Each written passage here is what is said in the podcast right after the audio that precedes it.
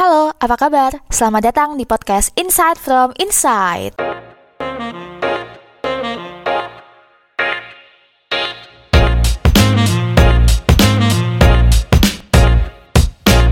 Hai, episode 4 masih bersama dengan Isna. Episode kali ini sebenarnya cukup spesial ya, karena aku record podcast ini tuh di Bandung. kota yang punya kenangan, kota yang banyak cerita, sometimes happy, other times tough. Ya, up and down lah intinya. Oh ya, sebelumnya aku mau klarifikasi kalau aku tuh ke Bandung bukan serta-merta karena pengen liburan atau apa, tapi karena aku itu ada jadwal kontrol behel sama dokter orto aku. Aku terakhir kontrol itu bulan Februari 2020, sebelumnya lagi bulan November 2019, terus uh, bulan ini Oktober 2020, which means kayak dalam satu tahun itu tuh aku cuman kontrol behel itu tuh tiga kali. Dan makanya perbehelan dan pergigian ini aku tuh nggak kelar-kelar gitu. ya udah, oke okay, next. Mungkin episode kali ini akan cukup singkat karena aku ingin sharing-sharing aja tentang bagaimana cara mencintai diri sendiri atau bahasa kerennya self-love. Karena aku bukan ahlinya dalam hal psikologi, di sini aku coba memberikan pandangan self-love versiku melalui perspektifku dan juga melalui pengalamanku. Mungkin dari kita udah ada yang tahu ya apa self-love itu, tapi ada juga orang yang belum bisa memahami makna self-love itu sendiri. Self-love itu bukan berarti kayak lo itu harus pakai pakaian yang OOTD banget, merawat diri, atau lebih mementingkan diri sendiri ketimbang orang lain, tapi justru makna self-love itu tuh lebih dari itu. Self-love itu gimana cara kita mencintai diri kita sendiri secara fisik dan juga emosi dengan melibatkan aspek menyadari diri sendiri, menghargai diri sendiri, percaya diri, dan juga peduli sama diri sendiri. Nah, kalau ada salah satu aspek yang belum terlaksana, maka self-love itu belum sepenuhnya utuh. Tapi ya itu nggak apa-apa kok. Selama keberjalanan, kalau kita tersesat, itu juga hal yang wajar. Karena emang kita sendirilah yang sebenarnya yang menciptakan versi self-love kita menurut diri kita sendiri. Acceptance is the key. Baru-baru ini aku menyadari kalau salah satu caraku untuk mencintai diri aku sendiri itu berawal dari kamar yang rapi. it sounds weird, tapi it works for me. Aku pernah baca entah di mana Katanya kamar yang berantakan itu bisa menunjukkan kesehatan mental seseorang seperti kayak kondisi pikiran yang lagi semrawut. Nah ini tuh bermula dari pas aku kuliah di Bandung.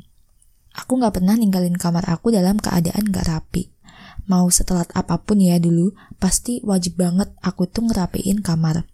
Karena dulu aku mikir, biar kalau udah nyampe kosan tuh tuh bisa langsung terbahan gitu aja di atas kasur dan gak perlu beres-beres lagi gitu karena kan udah capek ya seharian aktivitas di luar gitu. Nah, selain itu aku juga merasa kalau aku ninggalin kamar dalam keadaan yang rapi tuh kayak semacam ada mindset di otakku yang bilang kalau oke, okay, aku siap menjalani semua aktivitas hari ini dengan optimal. Dan terkadang semesta juga mengaminkan hal itu. Makanya kamar yang rapi itu prioritas aku banget. Nah, tapi sebenarnya ada riset juga yang bilang kalau segala sesuatu yang teratur dan tertata rapi itu tuh menunjukkan perfeksionisme. Perfeksionisme inilah yang kadang leads to the self-love. Terkadang keinginan untuk menjadi perfect, di one and only, numero uno itu bisa membawa penyakit, baik penyakit fisik maupun penyakit mental. Kayak cemas, loss your appetite, keinginan untuk self-harm, dan lain-lain.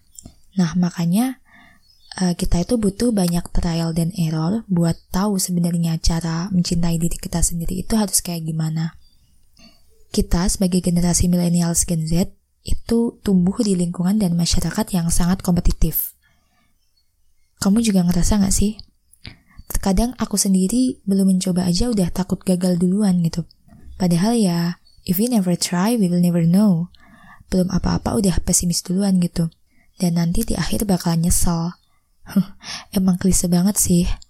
Nah, rasa takut, rasa cemas, Rasa khawatir inilah yang bakal menghambat kita buat berkembang.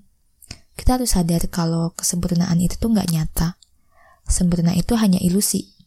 Makanya kita perlu memahami diri kita sendiri, kita harus yakin sama diri kita sendiri, dan yang paling penting, kita juga harus berbuat baik, berterima kasih sama diri kita sendiri, dan juga yang paling penting, kita harus bisa berdamai sama keadaan.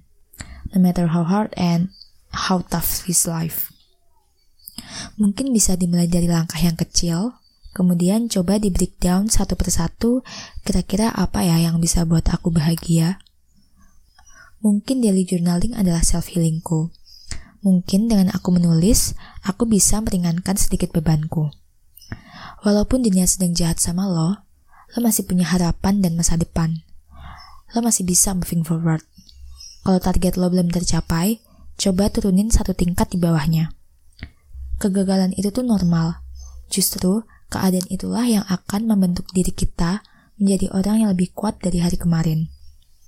Dan itu adalah langkah pertama buat lo melakukan sesuatu.